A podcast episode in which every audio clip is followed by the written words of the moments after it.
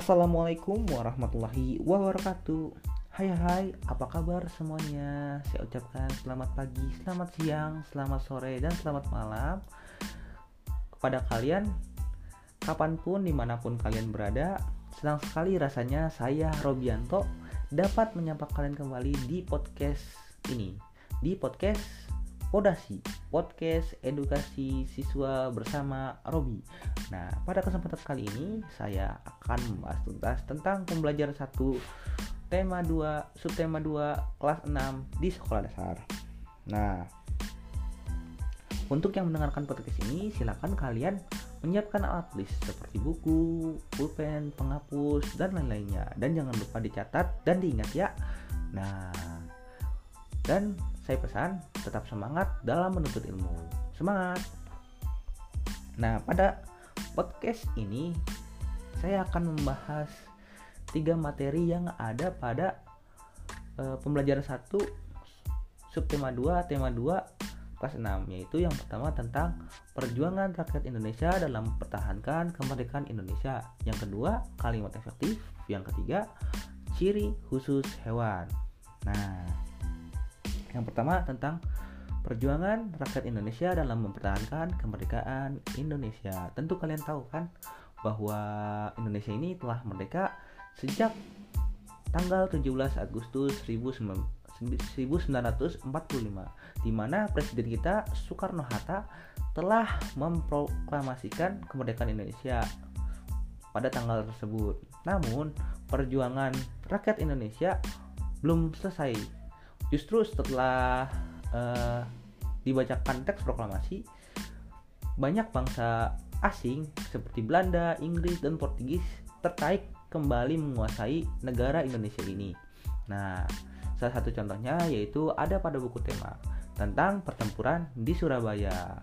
Nah, sedikit Karobi ceritakan bahwa pada pertempuran tersebut tewaslah sebuah tewaslah seorang jenderal AWS Malabi eh, sehingga membuat tentara dan bangsa Inggris marah sehingga mengeluarkan ultimatum kepada uh, masyarakat Surabaya. Ultimatumnya berisi tentang semua pimpinan dan orang Indonesia yang bersenjata harus melapor dan meletakkan senjatanya di tempat yang ditentukan. Nah, selain itu menyerahkan diri dengan mengangkat tangan. Nah, namun ultimatum tersebut dihiraukan oleh seluruh rakyat Indonesia demi mempertahankan kemerdekaan Indonesia.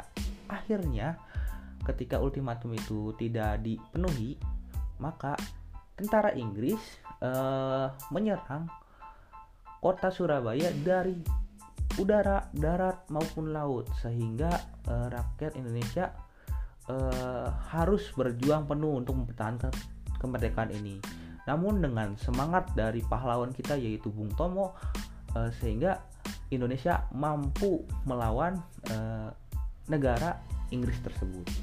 Nah, itu adalah salah satu contoh bentuk uh, pertarungan untuk mempertahankan kemerdekaan Indonesia. Selain di Surabaya, adalah yang lain, yaitu seperti pertarungan di Ambarawa, di Medan Area, dan peristiwa penting lainnya seperti agresi militer 1 dan agresi militer 2.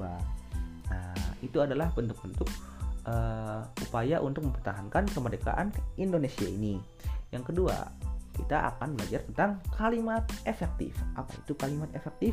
Kalimat efektif adalah kalimat yang mengandung gagasan pembicara penulis yang terdiri atas kata-kata yang mempunyai unsur SVK, subjek, predikat, objek, dan keterangan. Nah, ciri-ciri kalimat efektif itu ada empat. Yang pertama, memiliki unsur penting atau pokok, minimal unsur subjek dan predikat. Yang kedua, memenuhi kaidah ejaan yang berlaku. Yang ketiga, menggunakan struktur bahasa yang tepat. Yang keempat, menggunakan pilihan kata atau diksi yang tepat dan sesuai kebutuhan. Nah, contohnya ada pada uh, teks pertempuran di Surabaya. Pada teks tersebut ada kalimat seperti ini. Pada tanggal 9 November 1945, Inggris mengeluarkan ultimatum yang berisi semua pimpinan dan orang Indonesia yang bersenjata harus melapor dan meletakkan senjatanya di tempat yang ditentukan dan menyerahkan diri dengan mengangkat tangan.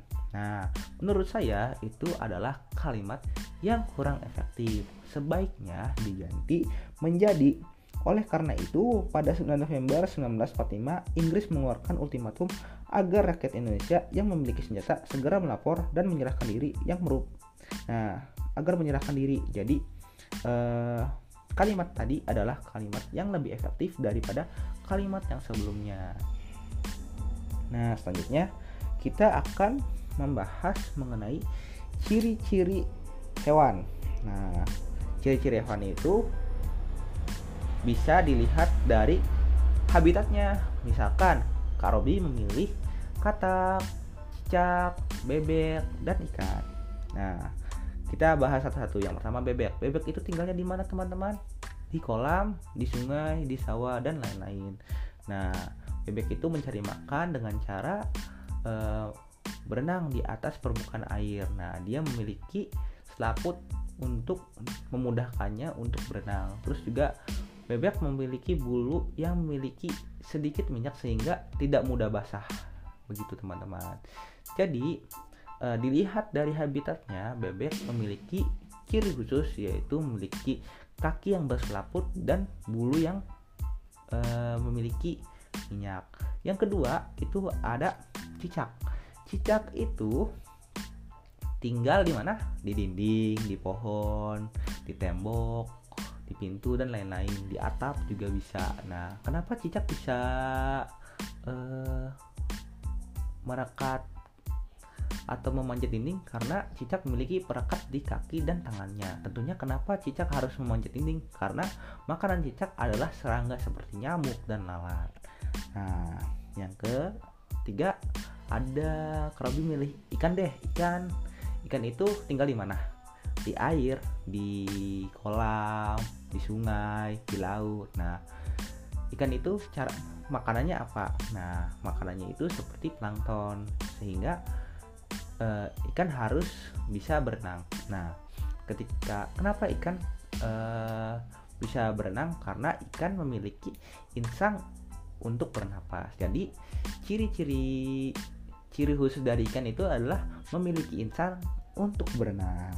Begitu teman-teman Nah, bagaimana? Sudah mengertikan apa yang dimaksud dengan uh, peristiwa mempertahankan kemerdekaan Indonesia? Terus kalimat efektif dan ciri khusus pada hewan. Nah, mungkin Karobi akan simpulkan satu persatu. Yang pertama, uh, mempertahankan uh, bangsa Indonesia ini sangatlah sulit. Bahkan setelah kemerdekaan aja Indonesia masih tetap melakukan per perlawanan kepada bangsa lain untuk mempertahankan kemerdekaan Indonesia. Zaman sekarang juga kita harus mempertahankan Indonesia ini dengan cara saling bersama-sama bahu-membahu untuk mempertahankan kemerdekaan Indonesia. Jangan sampai kita saling um, mencaci, memak memaki antar sesama bangsa Indonesia sehingga terjadi perpecahan kesatuan negara dan e, kemerdekaan Indonesia ini menjadi pudar. Lalu untuk kalimat efektif, kalian sudah mengetahui bahwa kalimat efektif adalah kalimat yang mengandung gagasan pembicara penulis yang terdiri atas kata-kata yang mempunyai unsur SPOK dan memiliki ciri-ciri memiliki unsur penting atau pokok minimal unsur subjek dan predikat. Yang kedua, memenuhi kaidah ejaan yang berlaku. Yang ketiga, menggunakan struktur bahasa yang tepat dan yang keempat menggunakan pilihan kata atau diksi yang tepat dan sesuai dengan kebutuhan. Lalu untuk ciri-ciri hewan, hewan pasti memiliki uh, keunikan atau keistimewaan. Nah, keunikan atau keistimewaan ini disebut ciri khusus pada hewan. Nah, jika kalian ingin mengetahui lebih lanjut tentang materi pembelajaran 1, subtema 2, tema 2, kelas 6, kalian bisa cek di YouTube, YouTube-nya Karobi Nah, Robi Yanto. Nah, nanti kalian ada video tentang pembelajaran 1 subtema 2, tema 2 kelas 6. Nah, di sana lebih komplit lagi karena di situ di sana ada uh, gambar Karobi sedang menjelaskan dan beberapa contoh dari uh, materi yang disampaikan. Nah, mungkin untuk podcast kali ini dicukupkan. Terima kasih bagi teman-teman yang sudah mendengarkan podcast ini. Sampai jumpa di podasi berikutnya. Sampai jumpa. Wassalamualaikum warahmatullahi wabarakatuh.